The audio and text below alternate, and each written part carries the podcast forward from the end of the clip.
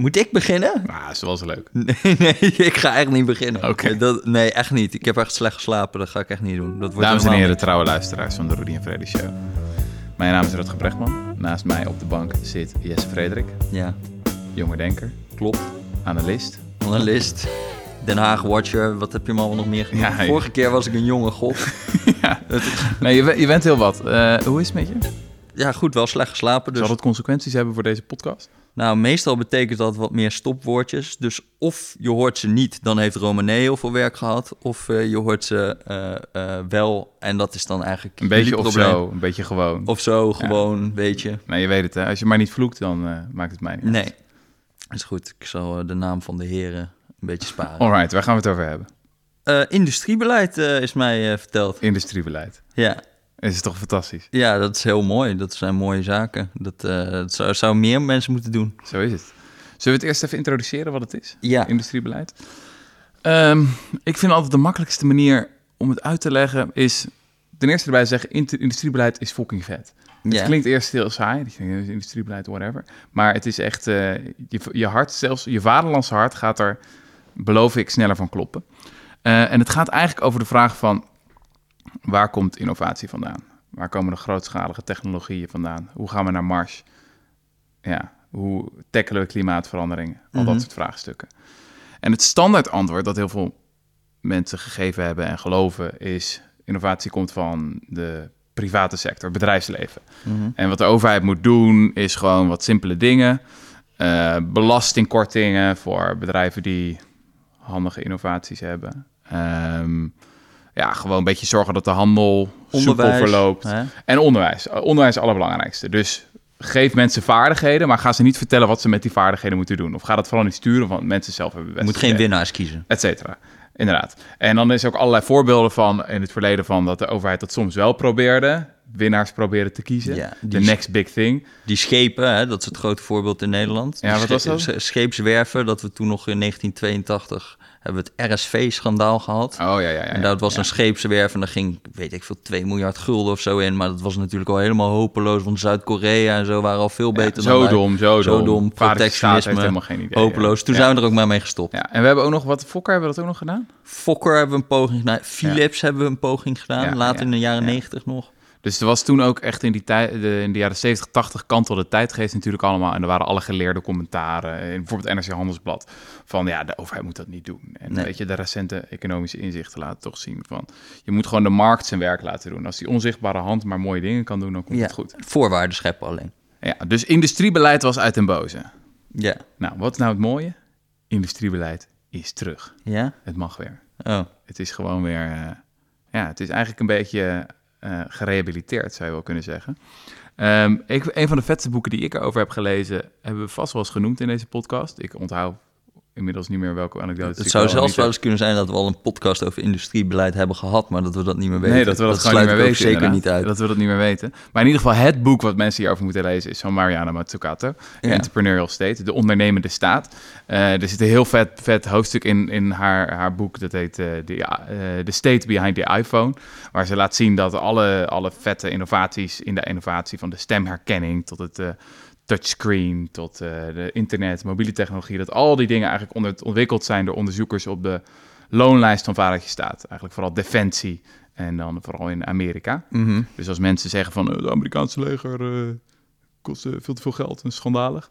Ja, is ook wel een beetje de, Ja, die iPhone is. het. ja, ja. dat is dus dat is mooi. GPS. Dus, dus touchscreens. hebben we dan de private sector niet nodig? Nee, zegt Matsukato, heb je wel degelijk nodig.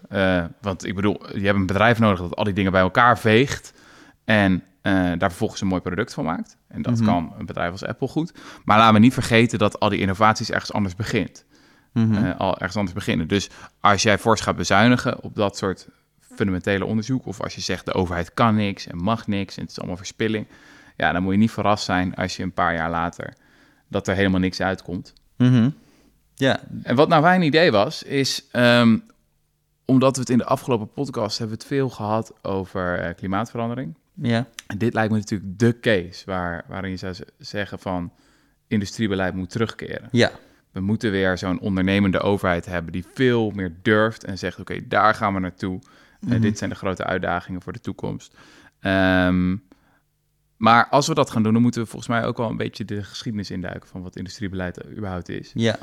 Nou, het is sowieso een beetje een heel breed ding. Hè? Het Ja. komt er eigenlijk op neer dat je niet alleen dus die voorwaarden schept. Dus bij klimaatverandering zou je zeggen, ja, je kan alleen een prijs aan CO2 heffen. Ja. Dus een prijs op CO2 zetten en de rest regelt zichzelf wel. Of je kan zeggen, we gaan echt richting geven aan een hele bedrijfstak. En we gaan Ja. zeggen, hier gaan we heen. We gaan waterstof doen, of we gaan elektrische auto's maken. Of we gaan... En dat is meer industriebeleid. Dat je echt op veel meer op sectoraal niveau eh, gaat zeggen... we gaan gewoon winnaars kiezen. We gaan gewoon tegen jullie zeggen, dit willen we zien. Ja. En op zich hoeft het een het ander ook niet uit te sluiten, toch? Nee, tuurlijk Je kan niet. zeggen Nee. van we doen een CO2-belasting, zodat sommige dingen gewoon aantrekkelijker worden, andere dingen minder aantrekkelijk. Dus Mhm. dat is dat standaardbeleid. Volgens mij zijn een beetje alle economen hier wel voor Mhm, om nou ja, een hogere prijs te zetten op CO2-uitstoot. mhm. Maar daarnaast kan je ook nog zeggen van We gaan nog we even... gaan dit echt doen. Ja, ja. En wat voor mij echt een eye-opener was toen ik hier eh, op ging studeren, is dat er gewoon zoveel voorbeelden zijn in de geschiedenis dat dit ook succesvol is gebeurd. ja. Maar er lijkt een soort van principe te zijn dat we de mislukkingen, die onthouden we heel goed van die scheepswerven. Mhm. Maar als het goed gaat, dan wordt het op een of andere manier uit de geschiedenis Ja, ja, ja. geschreven. Ja, dus je hebt eigenlijk bijna elk land heeft in zijn... toen ze nog, eh, zeg maar, moesten opklimmen... Mhm. eh, hebben ze allemaal eh, protectionisme of industriebeleid gebruikt. Dus, nou ja, de mooiste voorbeelden recent zijn natuurlijk Japan en Zuid-Korea en China. Mhm. die, die eigenlijk heel extreem hebben geprobeerd bepaalde industrieën te beschermen. En ook gewoon hebben gezegd, ehm, jullie moeten je omvormen. Toyota en zo, die bestaan al sinds de Tweede Wereldoorlog. Maar er waren niet altijd automakers. Ik geloof dat, ik weet niet of dat bij Toyota is.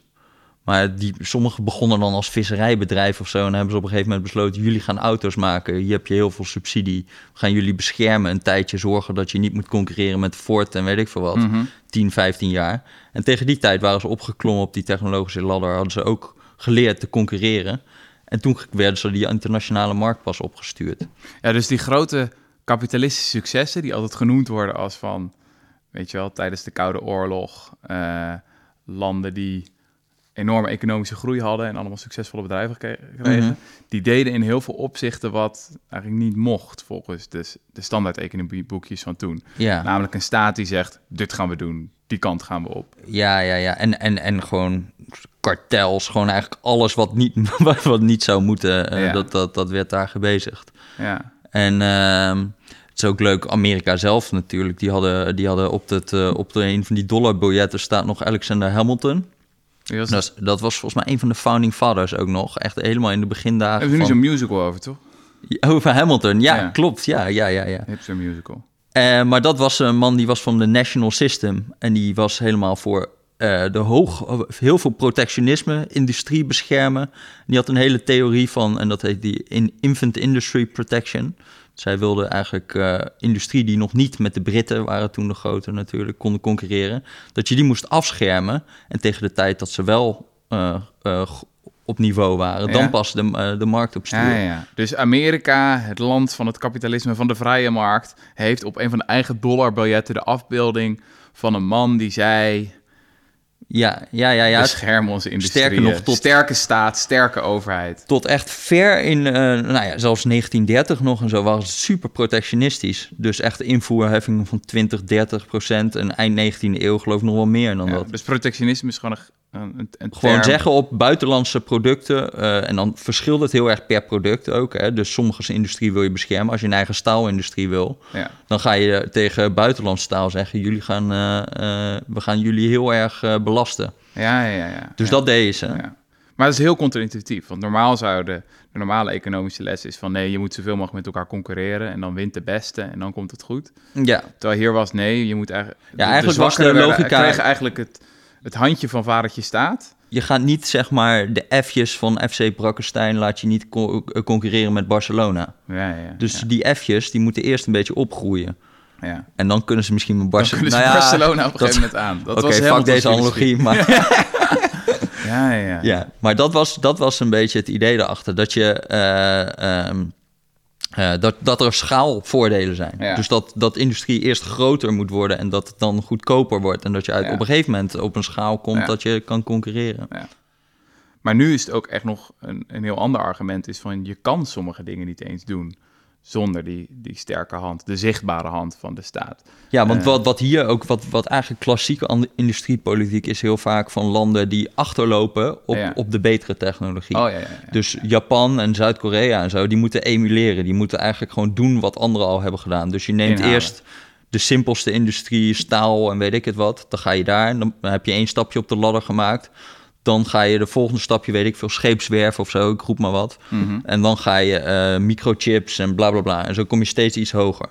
Maar dat is allemaal technologie die er al is. ja. En voor een land als Amerika is het dus niet per se heel logisch om nu protectionisme op staal te gaan doen. Nee. Want dat is eigenlijk gewoon een stap terug. Het is Nee. de vraag, wat is het volgende ding? Ja.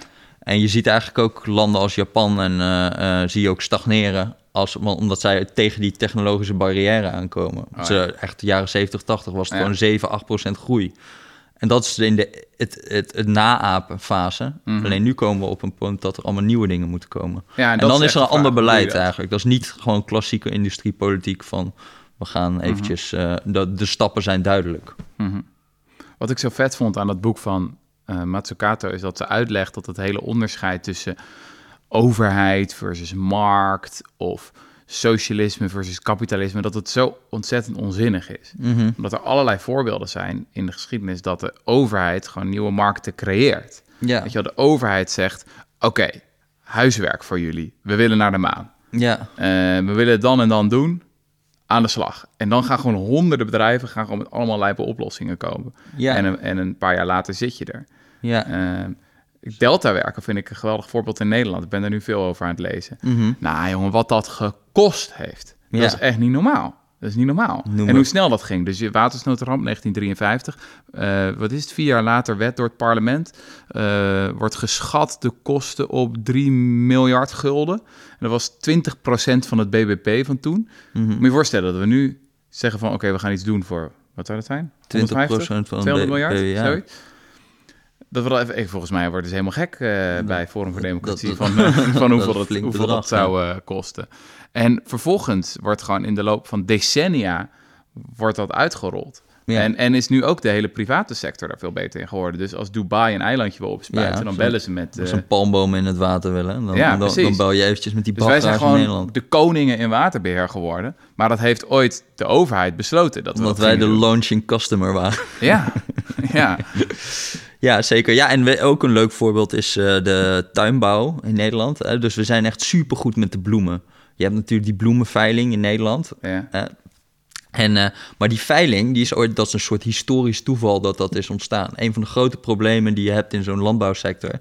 is dat je grote afnemers hebt, zeg... Nou, toen waren dat niet, maar supermarkten. En die gaan apart met elke boer prijsafspraken maken. ja. Wat wij in Nederland hebben, en dat is vrij uniek, is één veiling. Dus iedereen stu- ieder, alle buren zijn eigenaar van die veiling, Ja. die bloemenveiling. En die sturen daar hun spullen heen en daar wordt het gewoon in het openbaar geveld. Mhm. Dus die zijn eigenlijk over dat probleem heen gekomen... dat je een soort verdeel- en heersstrategieën krijgt van die supermarkten. ja. En dat komt omdat we in de Eerste Wereldoorlog... heeft, eh, heeft de Nederlandse overheid op een gegeven moment gezegd... er is een veilplicht. Dus alle boeren die waren, werden een beetje tegen elkaar uitgespeeld... maar dat was inefficiënt, vond het ministerie van Landbouw. Die hebben gezegd, alles moet op de veiling. Echt? En toen Dat is drie jaar later afgedwongen. afgedwongen. Gewoon een markt is afgedwongen van... Ik bedoel, de veiling is het van het ultieme voorbeeld van een markt. ja, je? precies. Ja. Nou ja, Waar maar dat, en dat, aanbod dus, bij elkaar komen. dat is dus ook grappig. Je hebt, dat, dan zou je dan zeggen van ja, dat is een eenduidig ding. Maar je hebt natuurlijk ook verschillende veilingsregels. En één ding wat die Nederlandse bloemenveiling heeft, is dat je begint op een hoge prijs Mhm. en steeds naar beneden gaat. Dus je hebt de English auction, dat is je begint op een lage prijs, prijs per opbod, en dan ga je steeds meer omhoog. Dus mensen bieden tegen elkaar op. Maar de Nederlandse bloemenveiling, dat heet een Dutch auction, door die Nederlandse. En dan begin je op een hoge prijs, dan ga je omlaag. En dat betekent dat die bloementelers een hogere prijs ook krijgen, gemiddeld. Hm.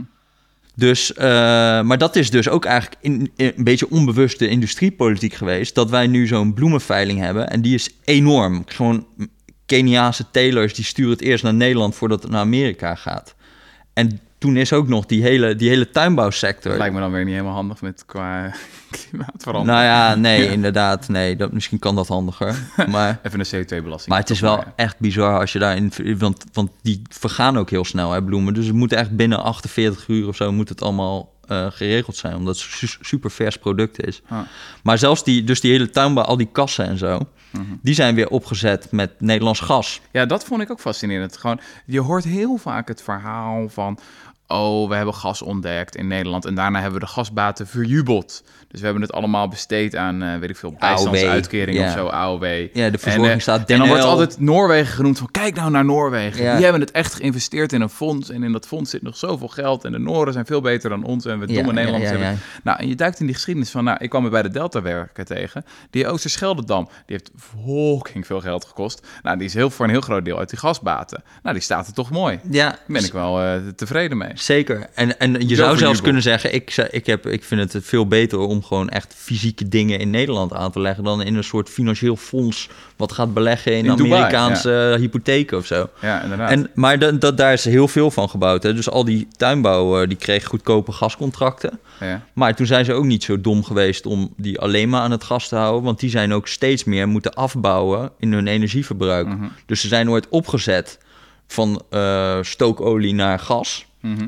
En toen werden ze heel, eh, omdat energieconsumptie is volgens mij 20, 30 procent van de prijs van een bloem. Ja. Dus dat is heel belangrijk van, van, in, je, in je kosten.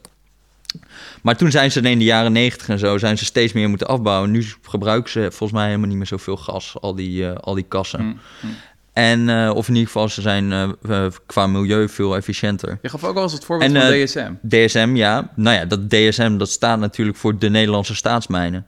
Dus dat, waren, dat beetje, waren ja. gewoon de kolenmijnen in, eh, in Limburg. En eh, eh, die zijn toen omgevormd tot een chemieconcern. Ja. Ook voor de werkgelegenheid in Limburg en zo. Nou, dan zijn ze ook nog zo vriendelijk geweest om daar het CBS neer te zetten in Heerlen. Dat al die kolenmijners, dat die statistici kunnen worden. Maar Mhm. dat terzijde. Maar die, die, die DSM, die hebben ook heel erg baat gehad van dat goedkope gas. En dat is nu ook gewoon een enorm chemieconcern. Een van Ja. onze grote, Dus niks grootste bedrijven. gewoon geïnvesteerd. Ja, en in Axo Nobel, al die bedrijven die hebben enorme baat Ja. gehad. Weet je, wij, wij hebben bizar veel industrie staan eigenlijk. Dat is ook de reden dat we hoge CO2-uitstoot per hoofd van de bevolking hebben. Mhm. Eh, omdat wij al die petrochemie hebben en Tata Steel hoogovens, weet je, Ja. eh, eh, DSM. Dat komt, maar dat komt ook allemaal omdat we dat hebben bevorderd. Ja. En ze zijn relatief efficiënt ook nog. Ja. Nog een voorbeeld dan. Eh, een van de mooiste bedrijven die Nederland misschien wel kent. In ieder geval een van de succesvolste bedrijven. ASML Ja. in eh, Eindhoven. Ehm, begint in de jaren tachtig als, als, als een bedrijf dat de machines maakt die de chips maken. Onder Dus- Philips. Hè. Ja, ja, ja, dus je kent eh, de, de wet van Moore natuurlijk. Chips worden, wat is het, iedere twee jaar twee keer zo snel. ja. Dat geldt al decennia zo, dat onze computers sneller, sneller, sneller worden. Mhm. Of in ieder geval meer rekenkracht krijgen.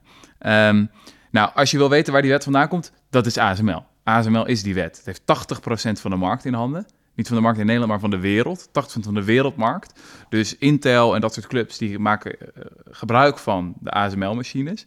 Dus ASML maakt machines die chips maken. Precies. Toch? Ja. En wat nou zo fascinerend is, is dat als je in de geschiedenis van het bedrijf duikt, is dat aan het eind van de jaren tachtig had je al, die, weer die, al die geleerde commentaren in NRC Handelsblad en zo. Die zeiden, ja, de overheid is weer eh, de zoveelste scheepswerf, de zoveelste RSV-schandaal zit eraan te komen. Want je had toen een project eh, Megachip, dat werd in de pers ook wel Megaflop genoemd. Ja. Eh, en er gingen dus allerlei subsidiegelden gingen in de tijd toe naar, naar een bedrijf als ASML. ja, omdat we met de Japanners wilden concurreren. Precies. En die was toen bezig met de, de research en development van deze chipmachines. Mhm. Nou, dat is dus gelukt. Eh, Ja. Dat is dus, heeft een megamachine opgeleverd. En dat bedrijf is nu, eh, weet je, wat is het, een omzet van miljarden. En die eh, waren bijna failliet. En Ja, toen zijn ze bijna failliet. Was nooit gelukt zonder vadertje staat. Maar ook weer, hier is een voorbeeld van, we zijn dat straal vergeten. Ja, Echt ja, straal ja. vergeten. Mensen denken bij ASML, ja, nee, dat is juist het voorbeeld van de markt. En wat je, moet je leuke belastingkortingen geven, dan functioneren ze goed. Terwijl dat dat ooit begonnen is met gewoon de staat die daar knetter veel geld in heeft gestoken. Ja, En dat het dus gewoon een hele goede gok was, die gewoon een winnaar heeft gekozen. Zijn ja en, en, en wel dat waarschijnlijk inderdaad dat megachip, als je kijkt hoeveel geld daar verspild is, dat zal er ook vast zijn. ja, ja, ja, Weet je, ja. dat is, eh, het is, Maar dat het is dus 9 van de 10 dingen mislukken. En, eh, En dat het prima is. dat is prima. Als je één ASML ervoor terugkrijgt. Ja. Maar als je dan opzomt, ASML, DSM, Delta werken, Nederlandse positie in, in het waterbeheer. Mhm. Ik bedoel, is een beetje alle parels Tuinbouw. van ons bedrijfsleven. Er zit, er zit vadertje staat achter. Ja, of, of eh, aan de basis. Hè. Je moet ook Ja. nog natuurlijk eh, credits geven. Van, maar het zou nooit zijn gebeurd zonder. Ja. Dat, dat, weet, dat is, staat vast. En er is heel erg bewust een strategie uitgezet. Wij willen tuinbouw. Wij willen een DSM. Wij willen een chemie sector. Maar ook spandoeken, toch? Wij willen tuin. Ja. In het Westland, ja. ja, ja. Ja. oké. Bruggetje. Ja, Klimaatverandering. ja. Want dat, is, dat vind ik nou echt fascinerend. Je hebt nou een denktank in eh, de VS, nieuw consensus heet die. En die hebben dus trits rapporten gepubliceerd. En dat is dan niet gebaseerd op basis van eh, die vage marxistische economen. Die hebben zeker geen Zizek gelezen. Nee. Ehm, maar gewoon echt redelijke mainstream economen. Als, als het gaat terug tot op Hamilton eigenlijk, Matsukato, noem maar, maar op. En die hebben dat document geschreven waarin ze pleiten voor een ehm, Green New Deal. Mhm, Waar politici als eh, Alexandria Ocasio-Cortez mee, mee zijn gekomen. mhm. Met een hele trits van voorstellen, we moeten dit doen, we moeten dat doen. Dit is eigenlijk het huiswerk voor zowel de overheid als de private sector. De deadline is 2030, let's go. mhm. Ja, Moeten we zoiets in Nederland Ja, hebben? ja, of nou ja, ik zou nog meer sterker zeggen, we moeten het in Europa hebben. Dit is, eh, want Amerika is ook een groot land. Wij Ja. zijn ook een grote eh, verzameling van landen. Ja, En, eh, en we doen al een beetje die richting. Hè. Kijk, ik heb eh, voor de Europese verkiezingen dacht ik, laat ik het allerlulligste stukje beleid wat ik kan vinden eh, zoeken. En dat was de stofzuigerrichtlijn. ja. Dat is eigenlijk zoiets. Dat je een soort richting geeft aan een hele sector. Ik vond het, ik vond het fascinerend, omdat het ook iets zegt over hoe zo'n industrie kan werken, namelijk. Oké, vertel Kijk, het verhaal van de stofzuiger. Ik zou de stofzuigerrichtlijn even uitleggen. Kijk, iedereen die een stofzuiger koopt, die denkt ik wil meer watt hebben, want dan, dan trek ik gewoon het laminaat van de vloer en dat moet ik hebben in mijn Ja. stofzuiger. Ik moet een, een echt een zuigmonster hebben. Ja, Ja. Dus ja. wat er gebeurde. Even tussendoor, de werktitel van jouw stuk, wat was het ook weer? Dit zuigverhaal vertelt hoe fantastisch de EU is. Ja, ja, ja, ja. Nee, daar kon je heel veel kanten mee op Oh, met dit verhaal. ja, ja. Nee, Nee, maar die, eh, die, ehm, eh, dus, dus iedereen die koopt van die stofzuigers dus op basis van wattage. ja. Maar wat gebeurde er dus in die hele industrie? De, dat was dat eigenlijk al die stofzuigerfabrikanten gewoon steeds meer watt erin pleuren, maar eigenlijk daarmee gewoon lucht verwarmen en helemaal niet meer zuigkracht maken. Oh ja. Dus je wil gewoon op, dat er op papier staat 2000 watt. Maar of daar ook daadwerkelijk meer zuigkracht mee was, dat was nog wel de vraag. Ja, dus consumenten zijn dom, in feite. Consumenten Ja. zijn gewoon kortzichtig, wat? ze Ja. zijn beperkt. Ja, ja, ja, beperkt. Ja, Beperkt. Ja, ja, ja, ja, ik weet hem weer. Ja, je weet het weer. Levensles, ja, Ja. zijn beperkt. Ja. Consumenten zijn beperkt. En eh, toen was, eh, is er dus dat EU-commissierapport. En ze heb, je hebt dus in Europa heb je de eco-design-richtlijn. En eco-design, dat is eigenlijk een soort industriepolitiek... waar ze voor elke sector zeggen ze van... we gaan even wat norm- normen afspreken van... ehm, eh, we, nou, bij stofzuigers hebben ze dus gezegd... een stofzuiger mag niet meer dan 900 watt zijn. Nou moet je weten dat de gemiddelde stofzuiger van de jaren 60 was die 400 watt. Inmiddels was hij gemiddeld 1800 watt. Zo. Dus dat was flink opgelopen. Terwijl die van de jaren 60 veel beter waren.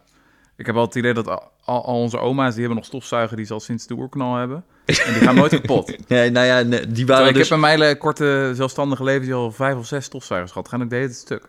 Ja, dat is nog een tweede ding waar die ecodesign-richtlijn over gaat. Maar daarover later meer. Hoe heet het? Ze hebben dus die... eh, eh, eh, bij die stofzuigers bleek dus... Toen ging ze een technische studie doen... van, ja, hoe zit dat nou in deze sector? En toen bleek eigenlijk dat die efficiëntie van die stofzuigers... dat maar 30% van al die watten die erin stopt... dat is gewoon het vermogen... die werd gebruikt voor zuigkracht. Oh, ja. Dus wat je eigenlijk, je moderne stofzuiger, dat was een soort luchtverwarmer op wieltjes. Hm. Die zat gewoon heel veel lucht eh, heen te blazen. En het bleef maar doorgaan. Dus het werd steeds meer watt. Dus ze zaten in een soort onzalige concurrentiestrijd, die hele se- sector, om de gunst van de consument door Ja. gewoon meer lucht te verwarmen. ja. Nou, dat is niet wat je zoekt in je stofzuiger natuurlijk. Nee, nee, nee, nee.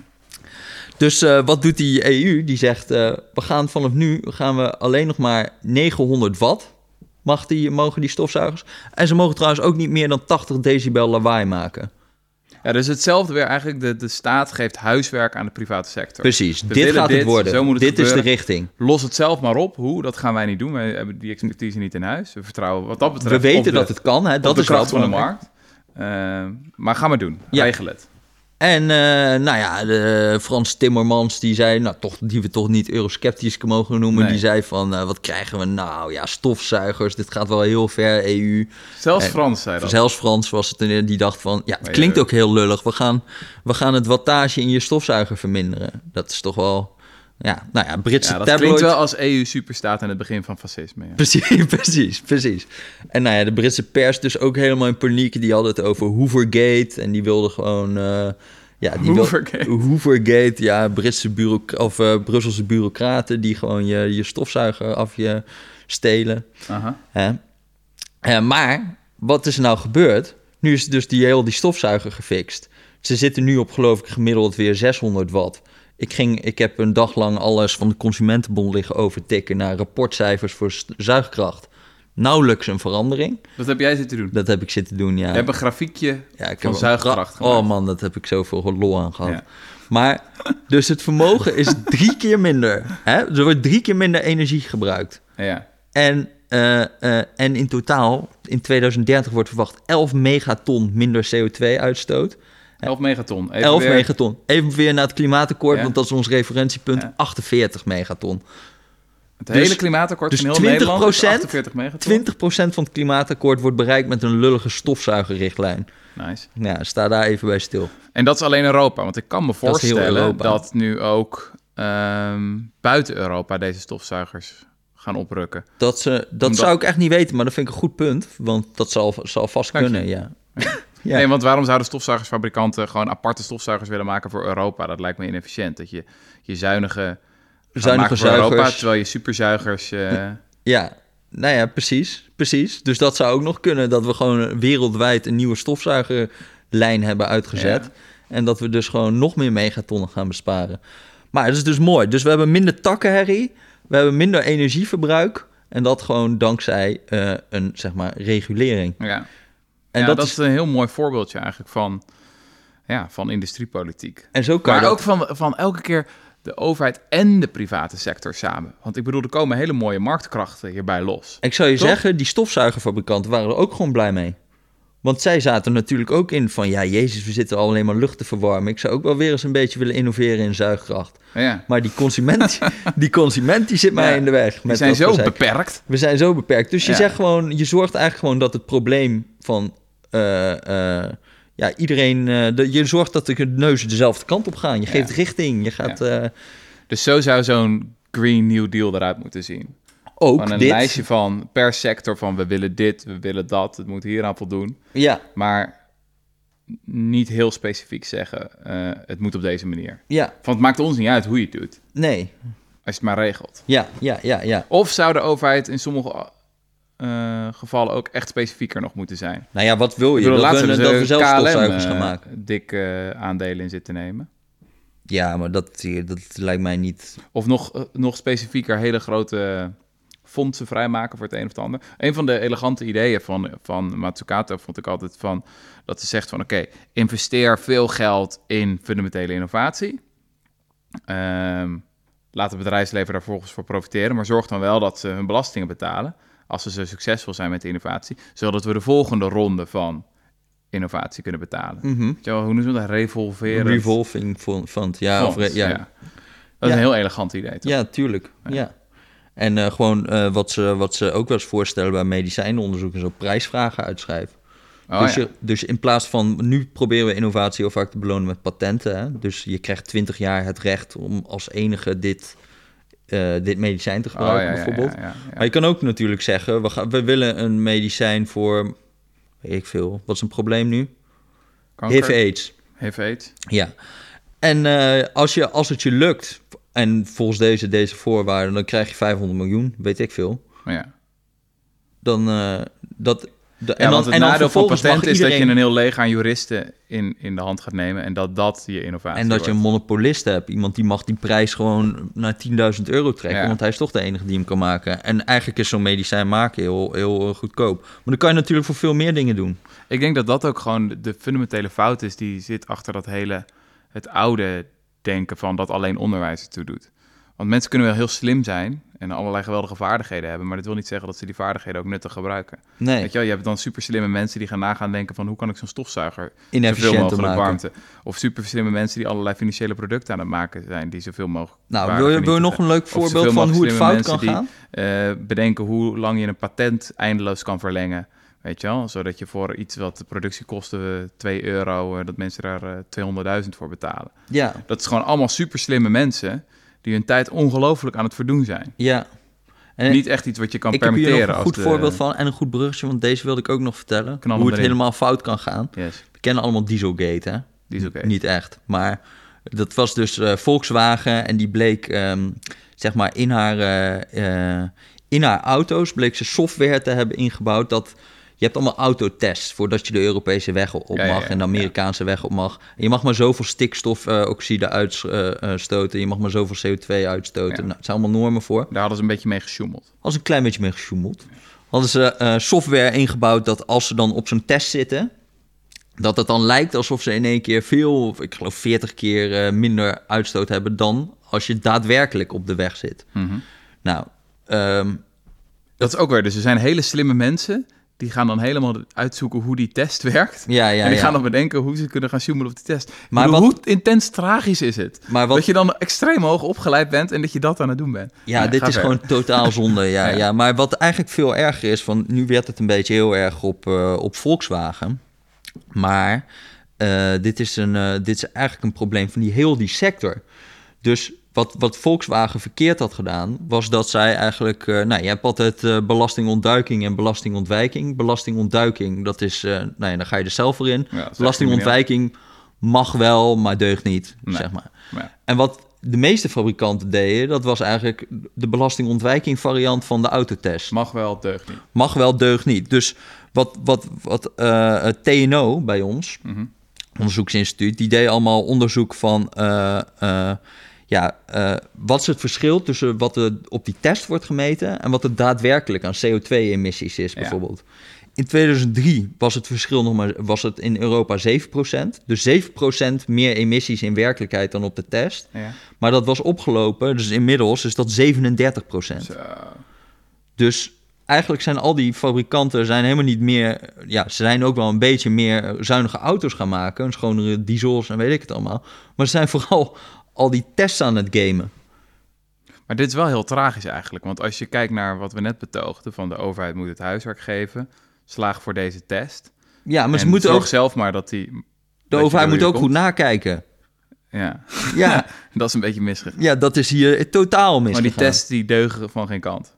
Nee, die testen, die, nou ja, die werden gewoon slecht nageleefd. Dus er zijn, niemand heeft toen... eh, kijk, toen die tests werden afgesproken, is ook gezegd... we moeten monitoren of de, eh, zeg maar de werkelijkheid... of dat correspondeert met die test. Mhm. En dan moeten we gaan bijsturen. Mhm. Maar wat is er toen in Europees verband gebeurd? Toen is dat geconstateerd van... ja, dit gaat helemaal mis. Die tests beginnen steeds verder uiteen te lopen. Ja, En toen hebben ze vervolgens er 10, 11 jaar over gedaan... voordat ze met een nieuwe test komen. ups. Ja, en in die tussentijd hebben we dus allemaal, men, eh, allemaal Volkswagen zo allemaal geïnvesteerd in zogenaamd schone diesels. Terwijl we verdomme al elektrische auto's hadden kunnen Nee, hebben. hadden we. Oh, sorry. Ja, ja, ja. Ja. Nee, maar dat, ik bedoel, dat is, dat is zonde natuurlijk. Ja. Maar we hadden al elektrische auto's kunnen hebben. Nou, ze Is hadden al veel meer kunnen investeren in, in, in echt schone technologie. Ja. In plaats van die testflexibiliteit allemaal te gaan eh, Ja. benutten. Maar wat is, zou hier dan het antwoord zijn geweest? Ehm, Je moet betere zijn. test, strenger nakijken. Of ook gerichter investeren met bijvoorbeeld subsidies in, weet ik veel, de Tesla's van deze wereld. Die al met die elektrische auto's Nee, bezig niet. zijn. Ik zou, dan, ik zou dan gewoon laadinfrastructuur bijvoorbeeld. eh, want dat vind ik ook vast. Laadinfrastructuur. Die, dus, dus al die, al die eh, energie... De laadpalen, eh, laadpalen en zo. Die heb je natuurlijk Fastnet. nodig. Want wat het grappige is, is dat je... ook bij dat elektrisch rijden merk je heel erg... Het is eigenlijk belachelijk dat wij ooit brandstofauto's hebben verzonnen. Omdat die gewoon waanzinnig inefficiënt zijn. Mhm. Dus de hoeveelheid energie die je eigenlijk verbruikt... voor het daadwerkelijk bewegen van dat voertuig... Mhm. Die efficiëntie is geloof ik 20% zelfs in de beste brandstofauto's. Mhm. Dus de rest gaat allemaal op aan Warmte. warmte en weet ik het allemaal. Ja. Het is eigenlijk net als die stofzuigers. Precies, ja. Maar, en dat gaat ook niet beter worden, want dat is gewoon zeg maar eigen aan dat, pro- aan dat product. Terwijl bij zo'n elektriciteitsmotor zitten ze nu al op volgens mij 5, 50, 60 procent. Lekker. Dus dat is, is gewoon technisch een veel betere oplossing. Maar het probleem is natuurlijk, net zoals dat je, dat je toetsenbord QWERTY heeft in het begin. Hè? Dus dat, de indeling van het toetsenbord ligt nu eenmaal vast. Niemand omdat dat het ooit ooit bedacht. gekozen is. Ja. Dus moeilijk te veranderen ook, al is het niet efficiënt. Dus wij hebben ooit gekozen voor brandstofauto's. Nu hebben we allemaal tankstations en heeft iedereen eh, het idee dat je een benzineauto moet hebben. Maar en zo- zijn we gewoon een verkeerd pad Ja, ingeslagen. dus hier heb je weer een sterke vadertje staat nodig. Die zegt, eh, ik heb hier een bulldozer. We gaan over al die tankstations in Nederland heen. En iedereen die nog bij een tankstation komt, die gaat naar, eh nou, naar nou, eh, Zuidoost-Drenthe. moet het nou weer die, gelijk zo drastisch. En verder moet gewoon iedereen bij die vastnetpalen. Texel. En Oh. je moet ook nog veganistisch worden en de hele truc. ja. hele, hele rit. Nee, precies. Maar dat, iets milder natuurlijk. Ja, Maar ja. ongeveer dit. Ja, zeker. Van de, de staat moet een soort van die, die, de richting wijzen. Van daar gaan we naartoe. Ja, ja. En, eh, en, en nou ja, we hadden dus vorige week hadden we dat eh volledige kritiekloze interview met eh, Bas Eickhout, hè? Vorige podcast. Ja, was lekker. hè? Ja, dat was lekker. Ja. Maar daar Is eh, ook wel een hele goede politie. is- maar daarin, daarin had hij dus ook over dat hij dan zo'n norm stelt van we moeten 2% eh emissievrije eh, vrachtwagens hebben. Hè, En dat hij dan hoopt dat dat dan al toch alweer meer wordt en dan weer aanscherpen en dan weer aanscherpen. Ja, ja, Kijk, dat soort werk, dat is mooi. Dat zet, zet wel zoden aan de dijk. Ja. ja. En, en hier zo, bij, dus bij elektrische auto's, wat eigenlijk best wel fascinerend is, is dat ze al, als je het over de hele levensduur bekijkt, dus alles wat je aan brandstof en zo ook eh, kwijt bent, zijn elektrische auto's nu al goedkoper dan brandstofauto's. Mhm. Alleen weer, die consumenten zijn weer ehm, beperkt. Mhm. En die kijken niet over de kosten voor over de hele levensduur, maar die kijken alleen naar de aanschafprijs. Ja. Dus je kijkt gewoon, wat kost een Tesla nu? En wat kost een Volkswagen eh, eh, brandstofauto? Mhm. En dan, eh, dan is een Volkswagen brandstofauto goedkoper in de aanschafprijs. Maar niet als je het over zeg maar, de 20 jaar dat dat ding moet rijden. Maar leg het nog even uit. Ze zijn over de hele levensduur goedkoper, elektrische auto's. Ja, want elektriciteit is goedkoper. ja. En ze gaan gewoon langer mee. Hm. Dus ze gaan minder snel stuk dan... eh, eh, eh, Waarom zijn we dan zo ongelooflijk aan het whinen met z'n allen over dat die subsidies voor elektrische auto's uit de hand zijn gelopen? Dan is dat toch juist wel mooi nieuws? nou, nee, want dan zijn ze ook een beetje uit, uit, de, uit de hand gelopen. Omdat ze eigenlijk nu al de facto goedkoper zijn. Dus waarom zou je ze nog goedkoper maken? Ja. Het enige probleem is dat consumenten het niet zien. Dus wat voor subsidie zou je dan kunnen doen om dit te verhelpen? Subsidie op de aanschafprijs en het belasten van gebruik. Dus eh, je, je, zeg maar, je maakt het veel goedkoper om het aan te schaffen, Mhm. maar je gaat het eh, duurder maken om het te gebruiken. Waarom? Nou, omdat je het dan verschuift. Dus dan, als het goedkoper is over de hele levensduur, Oh, zorg ervoor ja, dat ja. dat wordt verrekend in die aanschafprijs. Ja, ja, ja. Trucje. Trucje. En, dan, en dan wordt die domme consument ziet het ook weer. Dus dat zouden we nu moeten doen. Dat zou een leuke, leuke oplossing zijn. Moeten wij niet soort van de Nederlandse Green New Deal gaan schrijven? Nou, een ik, documentje. ik, tikken. ik, ik weet niet of ik daar echt verstand van heb. Eh, ik denk dat anderen dat beter kunnen, toch? Maar wat, wat zou, als je kijkt naar het huiswerk eigenlijk wat de staat opgeeft aan de private sector, zou het vooral uit dat soort normen bestaan? Van norm voor dit, norm voor dat, ecodesign zus. Ehm, Ik denk wat, Targets, wat heel belangrijk is, is dat je ook heel erg eh, sector-experts hebt. Mhm. Dus mensen die heel erg weten wat speelt er hier technisch, wat is er technisch mogelijk. Mhm. Zoals met die, met die stofzuigers, ja, heb je gewoon een rapport en dan blijkt dan uit dat het luchtverwarmers op wieltjes zijn. Dan weet je ook in één keer van we kunnen eh, die norm gewoon een factor 3 aanscherpen en laat ze maar, het is mogelijk. Ja, Weet je, dus als je goede industriepolitiek wil, heb je ook gewoon sector-experts nodig. ja. Dus je moet eigenlijk ook weer in, je, in dat hele ambtenarenapparaat mensen hebben die gewoon zo'n sector in de gaten houden en zeggen: wat kunnen we, hoe kunnen we nu de, hun problemen gewoon weer een stap verder zetten? En zou je voor sommige dingen niet ook kunnen zeggen dat nou, in het licht van klimaatverandering moeten we zoveel doen in zulke korte tijd? Mondiaal de emissies halveren in 2030 naar nul in 2050. Ja, prikkels duren soms even, toch? Voordat ze mensen ze doorhebben, weet je wel, een, een belastingprikkel hier of daar, of je geeft huiswerk op, zus of zo. ja, En sommige dingen, projecten zijn ook zo groot, nou neem de Delta-werk of zo. Ik bedoel, welk bedrijf neemt de risico's daarvan op zich? Of, of neem nucleaire centrales, eh, dat soort dingen. mhm. Eh, of hele grote windparken. Dan kan je toch ook zeggen dat de, de overheid juist veel agressiever dat soort grote projecten Maar dat doen ze ook, hè. Wind op zee is helemaal in Nederland gewoon ziek grote aanbestedingen. Die, eh, dus dat wordt... Of waar, waar denk je aan? Wil je een eigen auto-industrie meer, opzetten? gewoon meer. ik denk vooral aan meer. Ja, Ja, maar ik weet niet zo goed wat. Ik vind, ik, wil, ik vind het ook prima meer, maar laten we dan... eh, gaan we even over nadenken. gaan we even over nadenken. Mochten jullie nog suggesties hebben Ja, voor meer... Wat zijn de nieuwe Delta... De Delta werken 2.0. We- we- we- Dat we is de vraag van de Rudy en Freddy Show aan de podcast. Ja, zeker. Zijn we er dan? Hebben we het opgelost? Ja, volgens mij wel. Oké. Gaat gewoon geregeld worden zo. Industriebeleid is weer helemaal hip. Krijgt de duim omhoog van eh Jes Frederik en Rutger Bregman. Ja, En eh, tot de volgende keer. ja. Hey, en eh, nog iets promoten? Of weet je wat ik wel leuk vind als mensen weer een beetje van die recensies achterlaten? Ja, dat zou leuk zijn. Dat zou leuk dat zijn. ik lezen we al heel lang ja, niet meer voor. dat lezen we al heel lang niet meer Ja. voor. Maar eh, Nee, ja, op iTunes. op Dat iTunes. mensen ja. even kunnen schrijven wat ze van de podcast vinden. Ja, Dat zou echt leuk zijn. want wij eh, worden een beetje onzeker zo. Ja. Nou, ik sprak laatst dus een bevriend stel en die luisterde de podcast en die bespraken het dan samen. Oh. Vond ik zo romantisch en een leuk idee. ja, ik vond dat helemaal geweldig. Toen dacht ik, wat geweldig dat het gewoon Rudy en Vrede dat teweeg kunnen brengen. Ah, ja.